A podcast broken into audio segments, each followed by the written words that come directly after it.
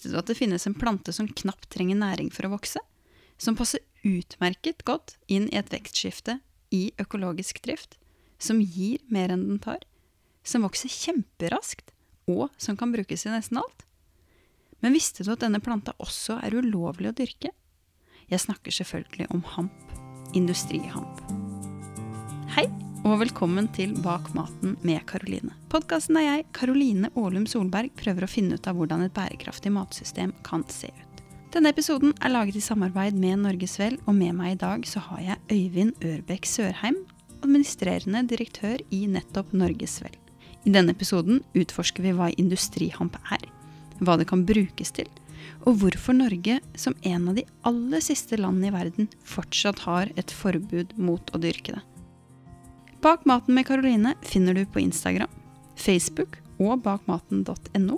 Lurer du på noe, kan du ta kontakt med meg der, eller på karoline at bakmaten.no. God lytt!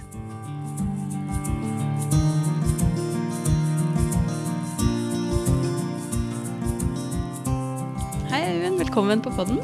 Takk for det, Karoline. Veldig hyggelig å være her. Så bra. Vet du hva jeg har servert oss eh, i teglass i dag? Det smaker som, eh, som te. Det er te, men jeg har faktisk funnet en uh, hampte. Oi, du verden. Den smakte veldig godt, i hvert fall. Ja. Takk skal du ha. Jo, bare hyggelig. Jeg tenkte det passa i dag, siden det skulle handle om hamp. Det skal du gjøre.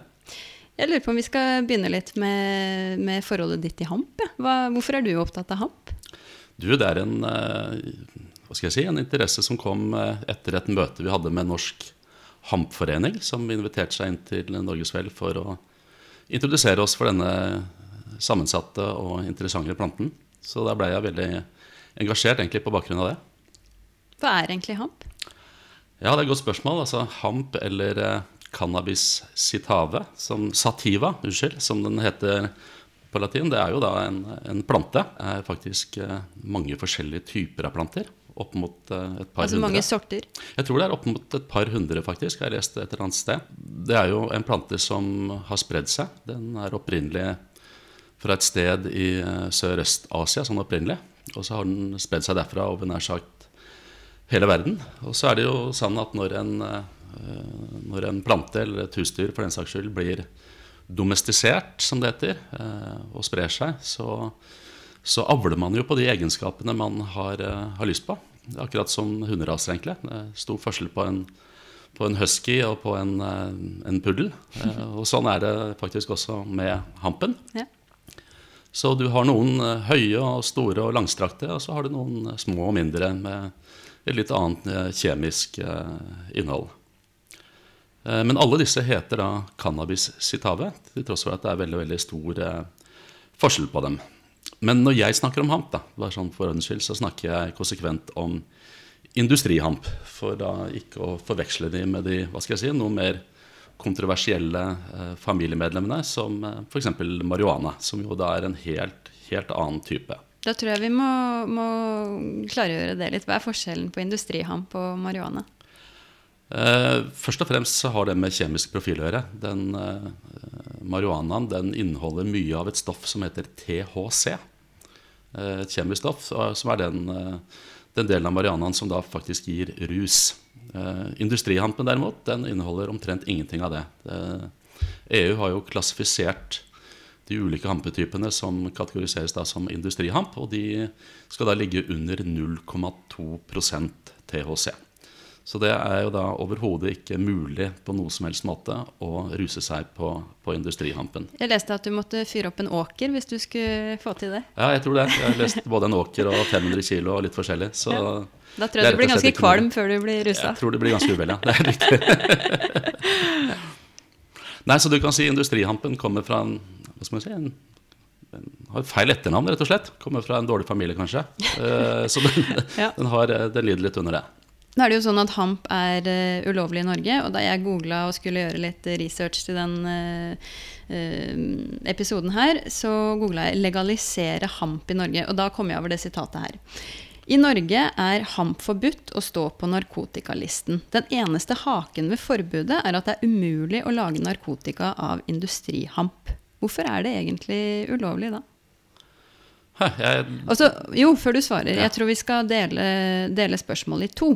Um, for nå er det jo sånn at det er ikke så mange år siden det var oppe til diskusjon om det skulle bli lovlig igjen. Så jeg tror vi skal begynne med hvorfor det ble eh, ulovlig i utgangspunktet. Ja.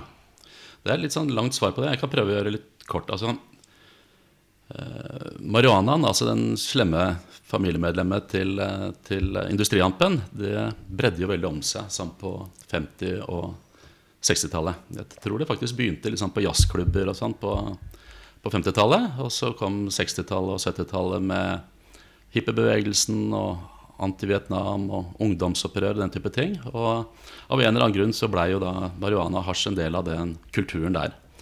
Og det skjedde over hele verden, at eh, folk lot eh, håret gro og samlet seg i parker og, og gjorde dette her. Så det var på veldig mange måter veldig naturlig eh, at myndighetene både i Norge og andre land fryktet det og slo, ville slå veldig hardt ned på det.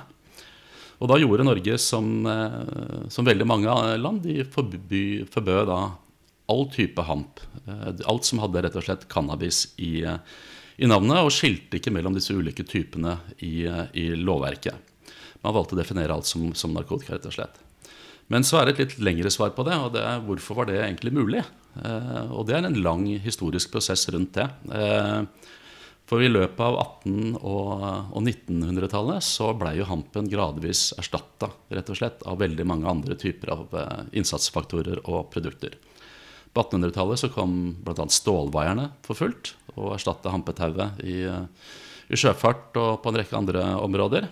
Bomullsindustrien vokste fram. Det var jo en viktig del av den industrielle revolusjonen med spinning jenny og alt dette her. Sånn at eh, bomull skjøt veldig fart på bekostning av andre eh, fiberplanter, sånn som lin og jute og, og hamp. Men du, hva er spinning jenny? Spinning jenny det var vel den første eh, maskinen som ble lagd eh, og erstattet av eh, menneskekraft. eh, Og, og liksom industrielt klarte å produsere tekstiler og klær og den type ting. Så det var en av de første liksom, milepælene i den industrielle revolusjonen var jo på en måte mekanikk som erstatta menneskekraft for å produsere tekstiler og klær. Og da kom bomull inn for fullt fart på det området. Og så skjedde en annen ting på, på 1800-tallet, og det var jo papirindustrien. De gikk jo over til cellulose, og erstatta også da tekstilprodukter til, til, til å lage papir. Eh, før det så var det faktisk fiberplantene som ble brukt til å lage papir. Den kuriositet der, Den amerikanske grunnloven for eksempel, er jo skrevet på hampepapir. Er det sant? Ja, helt sant. Eh, Den norske grunnloven faktisk er skrevet på noe som heter eh, hva var det for noe? klutepapir. Og det er en kombinasjon av jute og hamp og lin og bomull. Så det var liksom det man brukte før man oppdaga at man kunne utvinne eller lage papir av eh, cellulose. Men selve nådestøtet for hampen den kom nok sånn på slutten, på begynnelsen eller utover 1900-tallet, faktisk. eh, Med oljeindustrien som skjøt fart, og, og hampen blei liksom rett og slett erstatta av moderne petroleumsprodukter sånn som plast og nylon, som jo fortsatt preger eh, mye av forbruket vårt. Så poenget er egentlig det at når 60-tallet kom, og disse menneskene samlet seg i parkene, eh, så eh, var det veldig få, om noen, som i det hele tatt som dyrket hamp i Norge. Eh, og det var heller ikke noe, noe videreforedling av hamp i Norge. Den var rett og slett på vei ut, så det var heller ingen som reagerte. Nei, det var ingen som sto opp for hampen, Nei, ingen måte. som kjempa for hampen, og veldig få som egentlig ble, ble berørt. Og da var det heller ikke noe stort poeng for politikerne å skille mellom disse ulike hampetypene i, eh, i lovverket, rett og slett. Nå er det jo sånn at eh, diskusjonen om man skulle eh, legalisere hamp, var oppe for uh, ca. ti år siden. Eh, hvorfor gikk det da ikke gjennom? Det er et godt spørsmål. For det første så tror jeg vi må huske at for ti år siden så var det fortsatt en del land som holdt igjen. I dag er det jo kun Norge så vidt meg bekjent, som fortsatt har et forbund mot det. Men den gang var det flere. Blant annet Det vil si at alle andre land i verden Altså så er det lovlig å, å dyrke hamp? Ja, i dag eh, USA opphevet sitt forbud i 2000, nei, 2018. Og, og da er det Norge som står igjen. Vi er litt usikre på sånn Nord-Korea og et par andre land. Altså. Men eh, det store bildet er at alle andre land har tillatt dette. Også våre naboland og hele EU-området osv. Så eh, men for ti år siden så var det ikke helt sånn ennå. Så det var fortsatt en del land som, eh, som holdt igjen. Eh, så syns jeg det er interessant å, å, å merke seg at i de landene som har opphovet forbudet, så var det en veldig sånn, politisk engasjement rundt potensialet til hampen. Enten det var kommersielt, eller det var mer sånn økologisk bærekraftsargumentasjon. Så det var veldig sånn, sterk bevegelse både blant politikere og andre til å oppheve forbudet. Og veldig mye av den politiske begrunnelsen var knyttet til det store potensialet.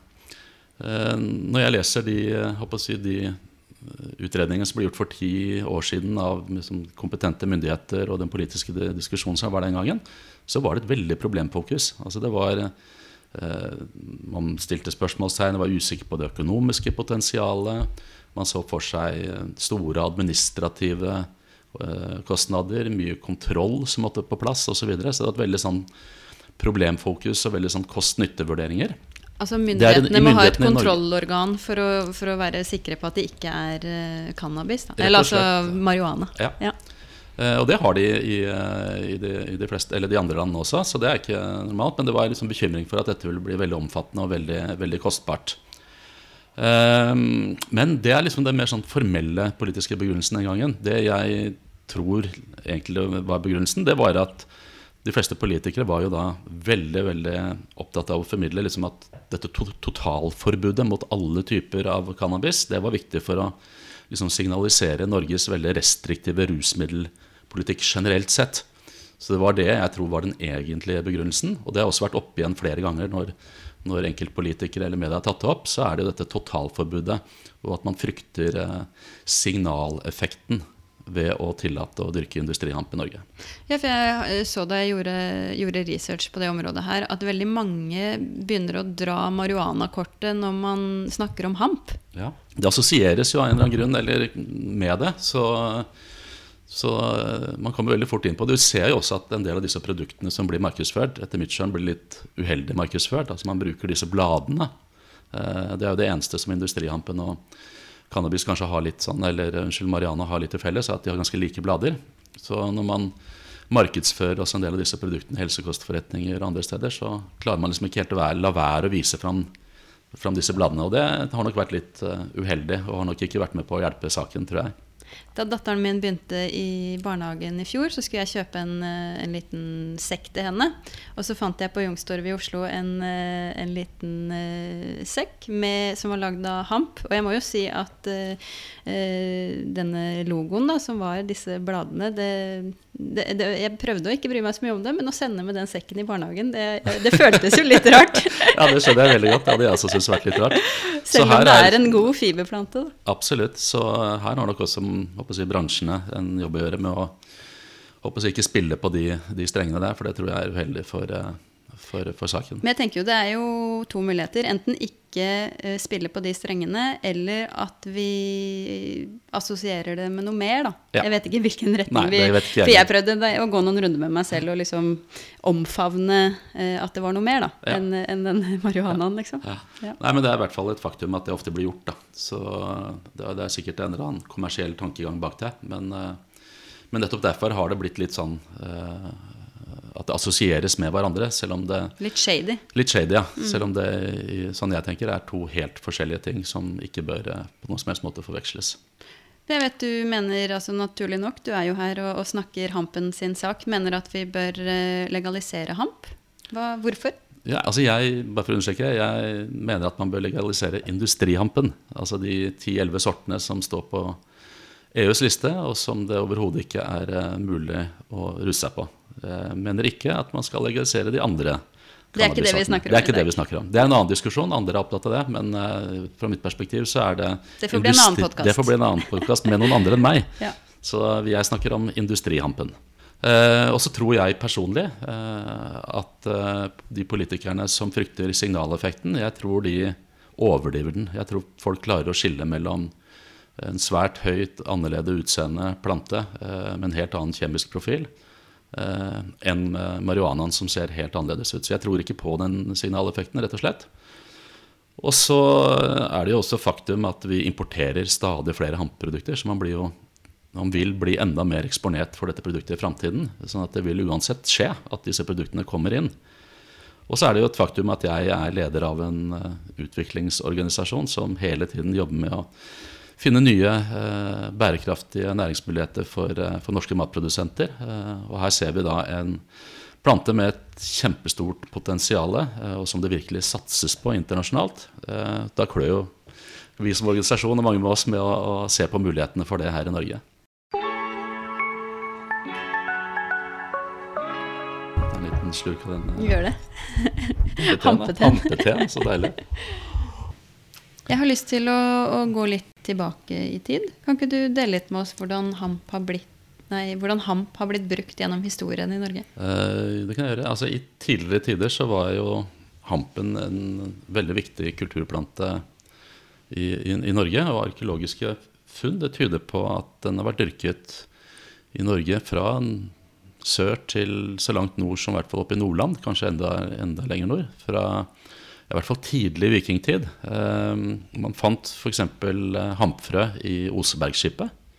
Eh, og det er vel Osebergskipet, det er ikke det datert til rundt 850 etter Kristus? Rundt der, så det er i hvert fall på den tiden. Så var det nok en ganske hardfør og en ganske nøysom plante. Som passa godt under liksom det litt barske norske klimaet. Så det har nok vært ganske spredd over hele landet.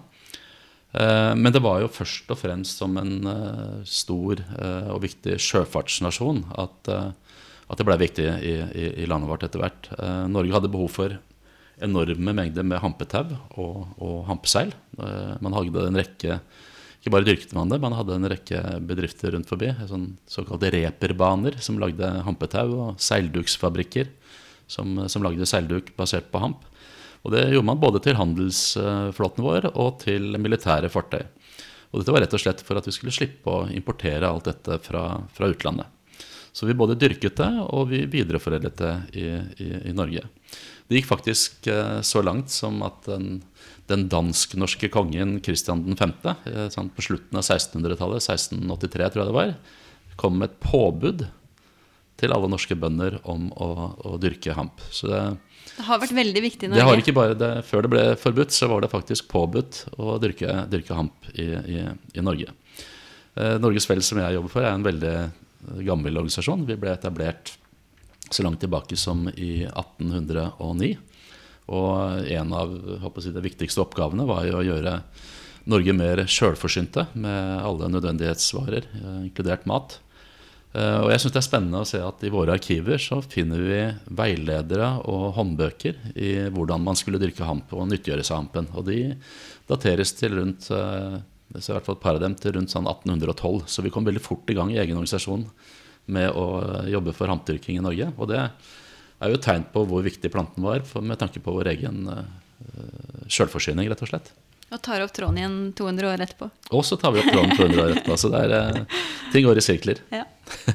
Jeg har lest at en del eh, stedsnavn i Norge kommer eh, fra hamplanta.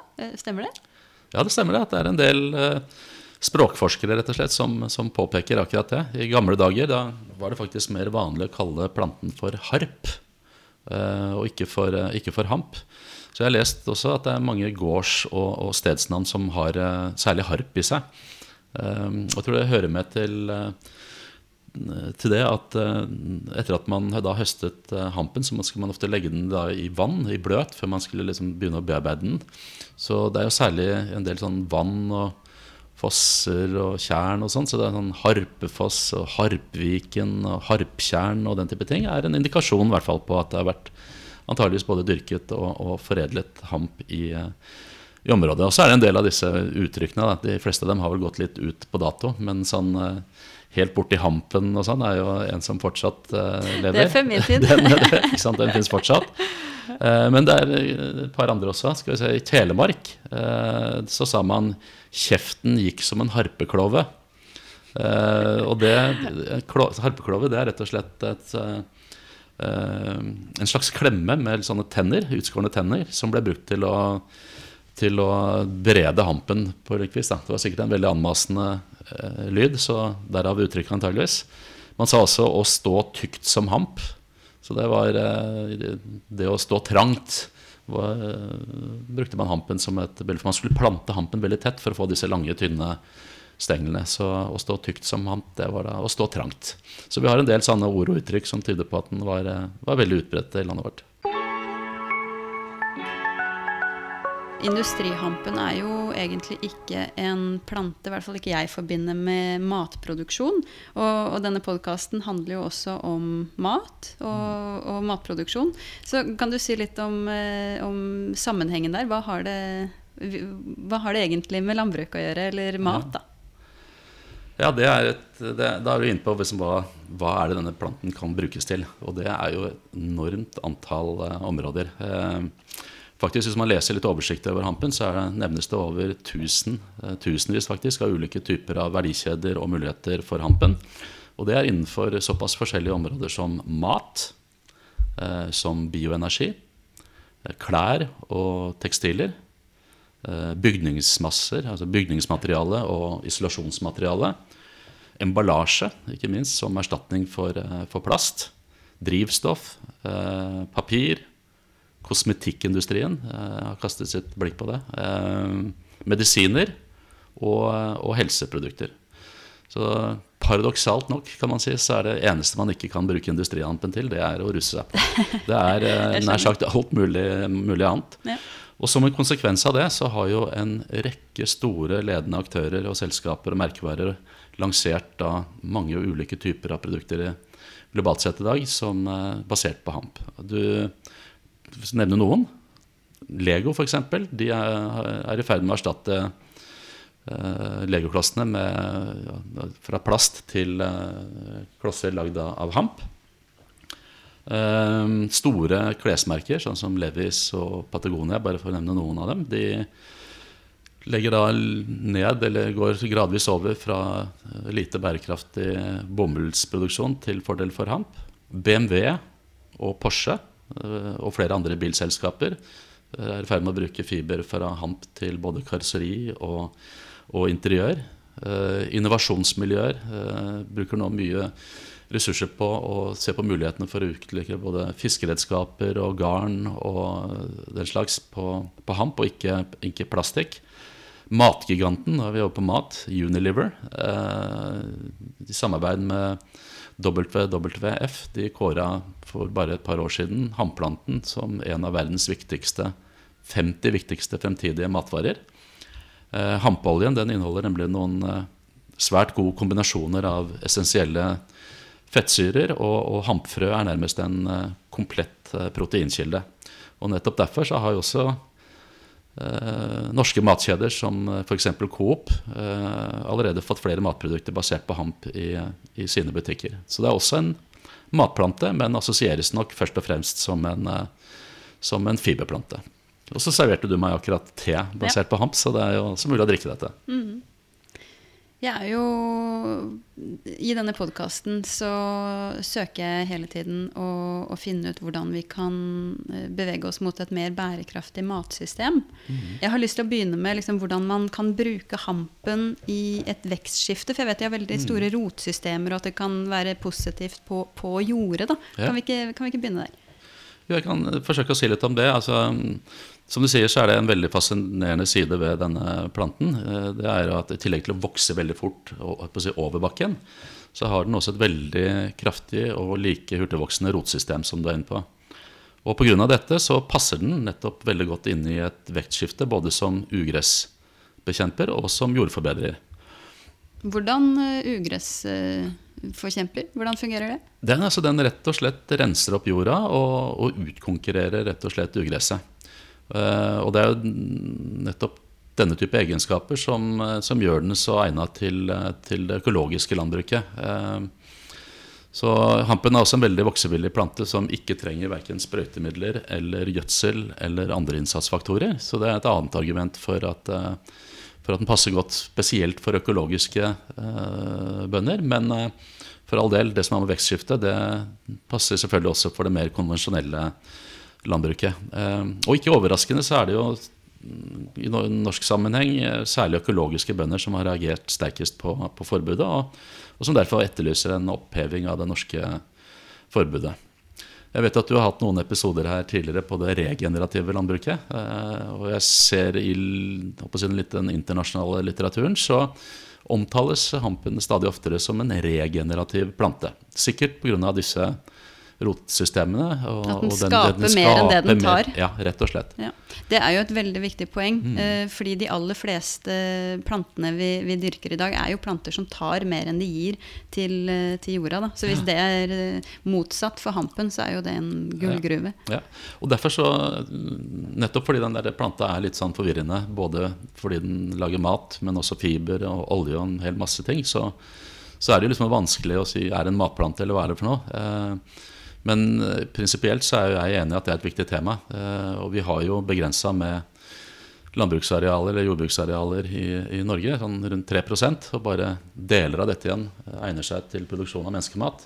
Så det jeg tenker det store potensialet er nok å se på disse grasarealene og grasområdene, som kanskje noen av dem vil gå ut av, av produksjon, og da må vi finne nye måter å, å, å utnytte de på, og da kan hampen passe bra. Men det er for all del, ting ikke, man ikke glemme at det er en matplante også, og ikke glemme at eh, det er ofte Det er gjerne Det er mange økologiske kornbønder som ønsker det inn i sitt vektskifte, så det er ikke sånn enten-eller, tenker jeg. Men eh, jeg syns det er mest spennende å tenke på dette som noe man skal se på i, i grasområder og ikke i kornområder, f.eks. Men en ting som er litt synd med dette forbudet, er jo at det er jo ikke bare privatpersoner som, har, eh, eh, som ikke får lov til å dyrke. Det er jo ikke gjort noe forskning på det i Norge og det på, på, under norske forhold. Da. Så det, det, er, det er jo faktisk ingen som vet eh, egentlig det, hvor det egner seg og hvordan det fungerer. Nei, det er akkurat det. Eh, Dessverre så har dette forbudet også rammet kunnskapsutviklingen og, og forskningen på det. Så det har ikke vært anledning heller til å forske på dette eh, siden 1965. Jeg tror den eneste hannplanta i Norge Den vokser nok litt vilt her og der, fra, som henger igjen fra den gangen det var mye av det. Men eh, det eneste jeg vet er lov å plante, det er på Botanisk hage her i, i Oslo. De har ett eksemplar i bur. Ja, de har det. Og så står det 'Dette er ikke marihuana'. Ja. Ja. De måtte, jeg tror de begynte uten bur, og så måtte de sette på buret fordi den forsvant så mye. Ja. Folk syntes det var veldig interessant. Ja, det er disse spennende bladene. antageligvis, det er det. Um, ja, det var uh, vekstskifte og rotsystem og sånn. Og så har jeg lyst til å, å, at du skal snakke litt om dette med at den binder mye karbon. Og karbon, altså uh, CO2 er jo noe vi snakker om veldig mye i forhold til klimaendringer, og som er veldig aktuelt om dagen. Ja, altså den Industrihampen er jo spennende i den forstand at den er jo en av verdens aller raskest voksende planter. Eh, ingen over, ingen ved siden, er det noen som sa. Den har et vekstpotensial på et sted mellom tre og seks meter i løpet av en vekstsesong. Oi, Så det er det er enormt. Eh, noen av de blir faktisk 18 meter høye, men eh, de vanligste ligger et sted mellom 3 og, og, og, og 6 meter. Og den trenger kun 70-90 dager eh, før den kan høstes. Mens et tre for eksempel, da, den eh, må jo vokse minst 20 år før den kan brukes. Så den produserer derfor noe sånt som fire ganger mer fibre enn hva et gjennomsnittlig tre kan gjøre. Og den eh, er som du sier en veldig effektiv karbonlagrer, nettopp pga. Disse, disse vekstegenskapene. Så at den hører hjemme innenfor rammen av en bærekraftig eh, produksjon og det grønne skiftet, det er det ikke noe, noe tvil om. Men det kommer jo kanskje litt an på hva man hva man gjør med, med hampen. Hvis man på en måte skal bruke For én ting er jo hvis man binder karbon i planta, og så bruker den planta så det på en måte eh, forsvinner ut i atmosfæren igjen. En annen ting er hvis det binder i jorda. Vet du noe om forskjellen Ja, på det er jeg litt på usikker på. Ja. Uh, Men det er et veldig godt poeng. Og eh, i og med at den ofte omtales nettopp som en regenerativ plante, så eh, vil jeg anta at det kan ha litt med at den også binder karbon i, i jorda å gjøre. Mm. Men dette er jeg litt usikker på. Ja. Det får vi komme tilbake til en annen gang. til. Og så er det jo det her med siste punktet jeg vil at du skulle dra fram når vi snakker om uh, unikheten til, uh, til industrihampen. Det er dette her med fiber. Det, du var jo på en måte litt inne på det nå når du, sier, når du snakker om det enorme vekstpotensialet. Men si litt mer om liksom, dette fiber, uh, fiberaspektet ved hampen. Nei, det er jo jeg har sagt allerede at den produserer enorme mengder med fiber og enormt med biomasse, rett og slett. Eh, og det er jo nettopp fibre som eh, mange av disse produktene som kommer ut av hampen, blir eh, brukt til. Enten det er karosseri i biler, eller det er klær og tekstiler, eller det er til erstatning for fiskegarn eller andre plast, sånn, så er det jo fiberne eh, som, som benyttes. Og, og som sagt, dette er jo da en ekstremt hurtigvoksende plante som produserer enorme mengder med fiber. Så det er en veldig effektiv eh, eh, fiberplante. En ting eh, jeg har tenkt på, fordi veldig mange snakker om det å bruke hamp istedenfor bomull f.eks. Men er det jo sånn at vi har et veldig høyt kostnadsnivå i Norge, og hvis man skulle dyrka hamp eh, til hvis man skulle dyrka hamp i Norge til uh, klær eller til mm. tekstil, så sitter jo jeg med spørsmålet ville det vært konkurransedyktig i forhold til billig bomull. da? Ja. ja det er et godt spørsmål. Uh, hvor konkurransedyktig? Mm. Det spørs jo også litt hva det konkurreres om, kanskje. Ja. Uh, det er mulig, og det tror er sikkert rett at det er vanskelig å konkurrere med konvensjonell bomullsproduksjon når det gjelder pris og, og, og volum også, kanskje. Men i en tid hvor eh, både forbrukere og bransjen også er opptatt av bærekraft og, og, miljø, så er det et helt annet spørsmål og en helt annen konkurranse, egentlig. Og så er det vel litt sånn at når ledende selskaper går foran, eh, enten det er til mer bærekraftig bomull, det, det, er mye viktig som skjer på det området også, bare for å si det, eller til hamp, eh, så er det selvsagt fordi de mener at dette er konkurransedyktig i et fremtidig marked. Så uh, kanskje vi vil se eller forhåpentligvis et større mangfold. At ikke det er snakk om det ene eller det andre. At man har både hamp og, og bærekraftig bomullsproduksjon og andre mm. typer naturlige fibre. Og at bomull sånn sett ikke blir like dominerende som det har vært før. Men jeg tror liksom fra et sånt uh, forbrukerperspektiv da, så har, er det ikke noe tvil om at uh, hampen har noen konkurransemessige fortrinn som er ganske spennende. hampfibrene er enormt slitesterke. Så klesplagg som er laget av hamp, de vil har mye lengre levetid enn plagg lagd av bomull, men også lin. Um, og ikke bare er de sterke, men de holder også på formen veldig godt. Så hamp strekker seg mindre enn uh, en bomull. Uh, dagens tekstiler av hamp de er også kjent for å være veldig komfortable, faktisk. Og blir, jo mer man bruker tekstilene, jo mykere blir de. De har også en overflate som er De avviser skitt og smuss. Og de er faktisk også beskytte mot UV-stråling. Eh, så istedenfor solkrem? Istedenfor solkrem, rett og slett. Nei da.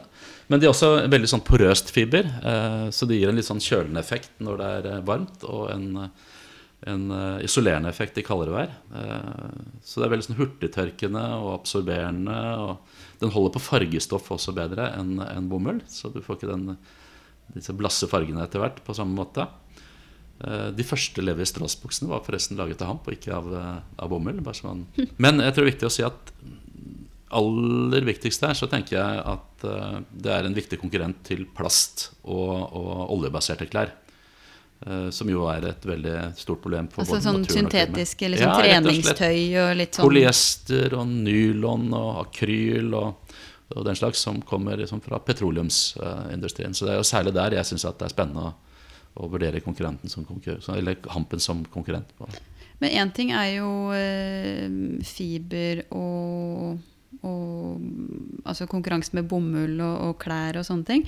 Eh, men det er jo ikke sikkert at det er det vi skal bruke hampen til i Norge. Hvis, vi, hvis det blir gjennomslag og den blir legalisert. Har du mm. noen tanker om hvordan måte, den hampnæringskjeden ville sett ut i Norge?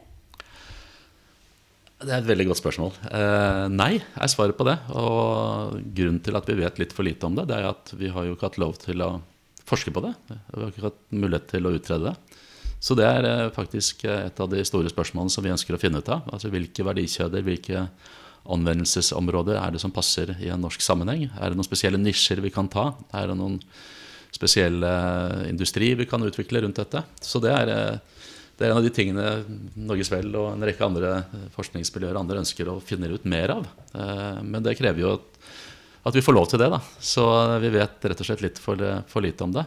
Eh, men eh, her har vi altså en plante som kan brukes til mange tusen ulike anvendelsesområder. Så at det er mulig å finne ut av det, det er jeg ikke i tvil om. Velge et par stykker i hvert fall. Velge et par, noen som passer for oss. Jeg skjønner. Ja. Du var jo du var litt inne på det i stad, men det er jo veldig mange steder i verden hvor man har begynt å ta i bruk hamp eh, på forskjellige måter. Eh, kan ikke du fortelle litt mer? Hvordan, hvordan, ser det ut? Jeg har ikke gjort noen sånn systematisk gjennomgang av hvordan dette fungerer i andre steder i verden. Altså. Men på verdensbasis er det ikke noe tvil om at, at både hampdyrking og ikke minst verdiskapingen fra hamp det øker for hvert eneste år som går. EU har jo satset på på den næringen siden 90-tallet. Eh, for EUs del så var den opprinnelig motivert av en dreining mot mer bærekraftige løsninger og et mer bærekraftige produkter, erstatning for plast osv. For USA sin del så kom det jo først i, i 2018, men har kommet for full fart inn som et satsingsområde i deres landbruksstrategier. De siste årene så er det faktisk særlig etterspørselen etter mathamp og CBD-produkter, som det heter. Det som, disse, som brukes til helse og, og helseprodukter til medisinske formål. Det er jo under sånn klinisk uttesting for, for epilepsi, altså medisin for epilepsi. Det er jo særlig de som har drevet markedene framover. I økonomisk forstand så anslås det at globale happemarkedet. det tror jeg lå på tett opp under 4 milliarder amerikanske dollar i 2017. Og de som undersøker sånn, de har anslår at det vil vokse til et sted mellom 11 og 12 milliarder amerikanske dollar innen 2025. Det er jo så, det er stor, stor mye utvikling. at man ikke klarer å forholde seg til det engang. Men jeg regner med at det, er, at det betyr at det er mye. Det er mye. Det er rivende utvikling, og det går fort. Så det er ikke noe tvil om at, at det kommersielle potensialet er stort der. Nå har vi jo egentlig blitt ganske godt kjent med industrihamplanta. Og det, jo, det var jo oppe til diskusjon for eh, ti år siden. Hvorfor, hvorfor, trenger vi egentlig å, å, ta det opp en gang til, når, når det ble liksom enighet om at eh, det ikke skulle legaliseres? Nei, Sånn jeg tenker, i hvert fall, så har det jo skjedd eh, enorme endringer egentlig siden, siden 2010. Selv om det bare er ti år siden, så syns jeg verden har beveget seg eh, langt siden, siden, den gang. Um, bare ta et par stikkord. sånn sett. Da. Mobiliseringen rundt bærekraftsagendaen, ikke minst, i 2015, eh, og det grønne skiftet, som jeg opplever blir mer og mer kraftfullt for hvert, hvert eneste går. Um, forbrukerne etterspør og krever mer bærekraftige produkter. Uh, det kommer flere og flere hamprodukter inn i det norske markedet. Plastproblemene, bare for å ta det, har kommet enda høyere på agendaen og blitt erkjent at dette er et stort globalt problem som Hampen kan være med å, å løse. Vi ser også et landbruk som eh, er aktivt i gang med å omstille seg og lete etter framtidens muligheter. Her har de en mulighet i, en, i fortidens plante i og for seg, en plante man har hatt lang historie for å, for å dyrke i Norge. Den gangen, altså hvis vi går tilbake tilbake til 2010, så var det en del land som fortsatt holdt igjen, litt med samme begrunnelse som, som, Norge. I dag er vi helt alene. Vi er det eneste landet som, som ikke produserer dette. Så kort, ting, kort sagt, jeg syns ting har endra seg stort. vi må komme etter. Vi må komme etter, og vi må ikke frata eh, både gründere og norske bønder og forbrukere den, eh, den muligheten. Eh, ting har endra seg, og i dag framstår det som et helt særnorsk og litt rart forbud. Ja. Eh, vi må komme litt inn på um, spesifikt dette med bærekraft også. Um, jeg sitter litt og, og tenker på, og, og, tenker ofte når man snakker om, eh, om nye næringer og, og bærekraft, at um, det er lett å ta noe som i utgangspunktet er, eh, kan være bærekraftig, og ikke gjøre det på en bærekraftig måte. ikke sant? Mm. har du noen tanker om hvordan man kan sikre at um, hvis, vi, hvis, det blir en industrihampnæring i Norge, hvordan, hvordan, kan den være bærekraftig og ikke bare uh, en del av liksom, liksom grønnvasking, da, hvis du skjønner hva jeg mm. mener? Nei, det er jo selvfølgelig en, en fare for det. Man kan sikkert uh, både dyrke og foredle hampen på, på, lite bærekraftige måter, så det er det jo sikkert ingen garanti for. Men jeg syns jo at utgangspunktet for hampen er veldig godt. Uh, den trenger som sagt da Eh, verken gjødsling eller eh, plantevernmidler eller andre ting i, i, produksjonen. Den passer veldig godt i et vektskifte, så man kan lage en rotasjonssystem rundt dette her som jeg tror vil fungere veldig bra. Eh, og jeg er helt sikker på at de rette si, grønne gründerne som ønsker å ta tak i industridelen der, vil også være flinke til å påse at, at, det er bærekraft i hele verdikjeden. Men noen garanti kan man jo selvsagt ikke ha for det heller. og helt sikker på at hvis man reiser til eh, svære industrilandbruksområder i, eh, USA for eksempel, og ser på hvordan eh, industrihampen dyrkes der Det har jeg ikke gjort, så har jeg ingen forutsetninger for å, mene om det. Eller så kan man sikkert finne områder hvor dette også gjøres lite bærekraftig. Så noen garanti for det tror jeg ikke vi kan ha. Men jeg syns at utgangspunktet og potensialet for at det ikke skal skje, er veldig stort Mm. når det gjelder industrihampen. Man må ha med seg en bevissthet inn, kanskje. Og hvor, hvor man vil hen. definitivt, Mm. Har du lyst til å, å si noe mer? Eh, oppsummere hvordan, hvilken plass eh, eh, industrihampen har i et bærekraftig matsystem? Eller føler du du har, har, for seg, har forklart det? Jeg føler at jeg har vært inne på det meste, men, men oppsummert så tror jeg det kan passe veldig godt inn i et vektskifte for både økologiske og konvensjonelle eh, landbruket. Ikke minst hvis vi må vekk fra glysofat og Roundup og den type ting, så må man jo lete Sprøytemidler. etter, sprøytemidler, ja, så må man jo lete etter, eh, etter alternativer, og da kan det passe veldig bra. Um, du har i tidligere episoder vet jeg, snakket om det regenerative landbruket. Her har man en plante som stadig ofte omtales som en regenerativ plante. Eh, Det må testes ut. Eh, Mindre gjødsel, mindre plantevernmidler.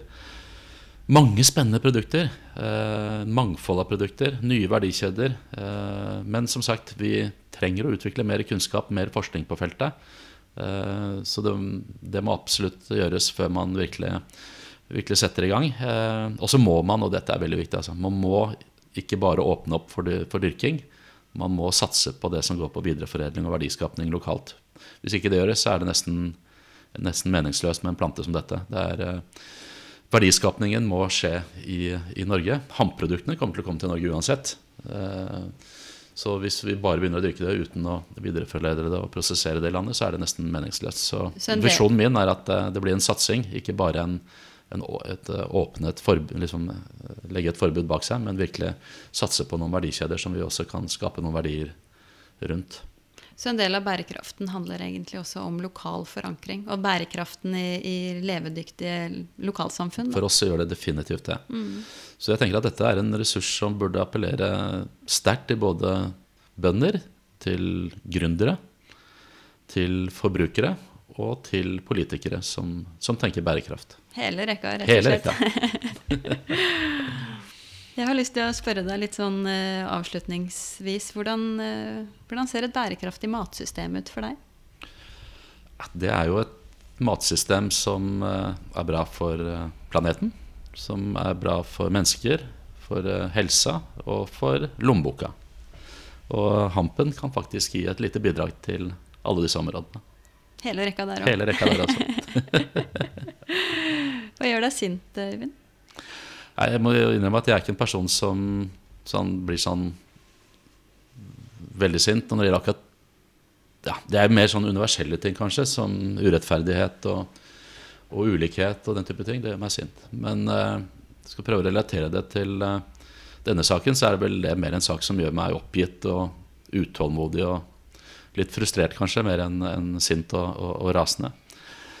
Um, når det gjelder politikken rundt dette her, så må jeg si at det som gjør meg aller mest frustrert, det er at, vi, at det har vært et forskningsforbud på det. At man rett og slett ikke har hatt lov til å, til å utvikle ny kunnskap på dette feltet og se potensialet for dette i Norge. Så, det, det aspektet kanskje ved, ved Hampen som gjør meg sint, det er kanskje den biten der. Altså, at man har nektet gjennom dette lovverket å, å drive kunnskapsutvikling på feltet. Det, det gjør meg småsur. Hva gir deg håp, da, sånn helt til slutt? Det som gir meg håp, det handler jo i veldig stor grad om den ja, dominerende rollen som bærekraftsagendaen nå har fått etter hvert. Eh, Jeg ser det på, på yngre generasjoner, ikke minst, som tar det mer og mer for gitt. Og jeg ser det faktisk også på min, eh, på min egen organisasjon. I løpet av de drøye ti åra jeg nå har jobba i Norges Vel, så har både vår agenda og vår strategi og hele vår forretningsmodell egentlig endra seg veldig mye i, i den retningen. Så håpet knytta til denne saken, da, det er jo at politikerne våre nettopp pga. Den, denne utviklingen enda tydeligere vil se de, de mange mulighetene og det utrolige potensialet eh, som industrihampen har. Og, og at det eh, vil overskygge eller trumfe eh, frykten for eh, ja, signaleffekter og, og den type ting. Jeg tror folk klarer å skille dette veldig klart fra hverandre. At det å åpne opp for eh, industrihampen ikke handler om å åpne opp for, eh,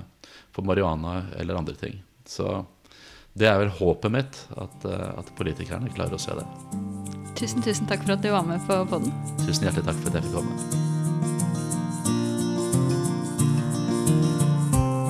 Tusen takk for at du hørte på denne episoden, som er laget av meg, Karoline Aalum Solberg, i samarbeid med Norges Vel. Musikken er laget av Creo og Liro Sever. Husk at dere finner meg og podkasten på Instagram, bakmaten.no, og på karoline at bakmaten.no. Vi snakkes!